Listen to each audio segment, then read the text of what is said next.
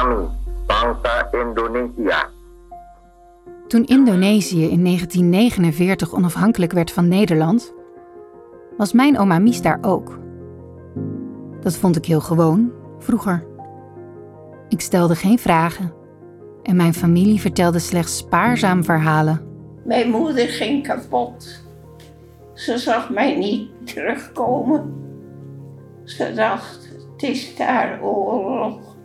Was ook zo. De kritieke situatie in Indonesië heeft tot een nieuw optreden van de Nederlandse strijdmacht geleid. Nu oma Mies achter in de negentig is, vertelt ze me iets wat ik moet hebben geweten, maar nooit heb beseft.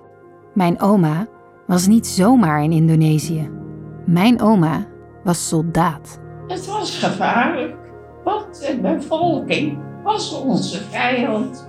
Als een van de eerste vrouwelijke militairen ging oma Mies met het vrouwenkorps van het Koninklijk Nederlands-Indisch leger op uitzending naar oorlogsgebied. Er waren sommige meisjes die huilden omdat ze het niet aankonden.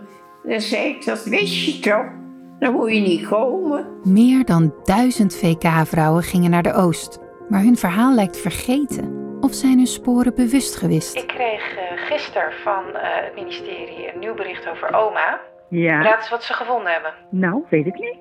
Niets. Wat dan? Hè? Mijn naam is Jorien Wallast en in de podcast Mijn Oma de Soldaat ga ik op zoek naar de vergeten vrouwen van het KNIL.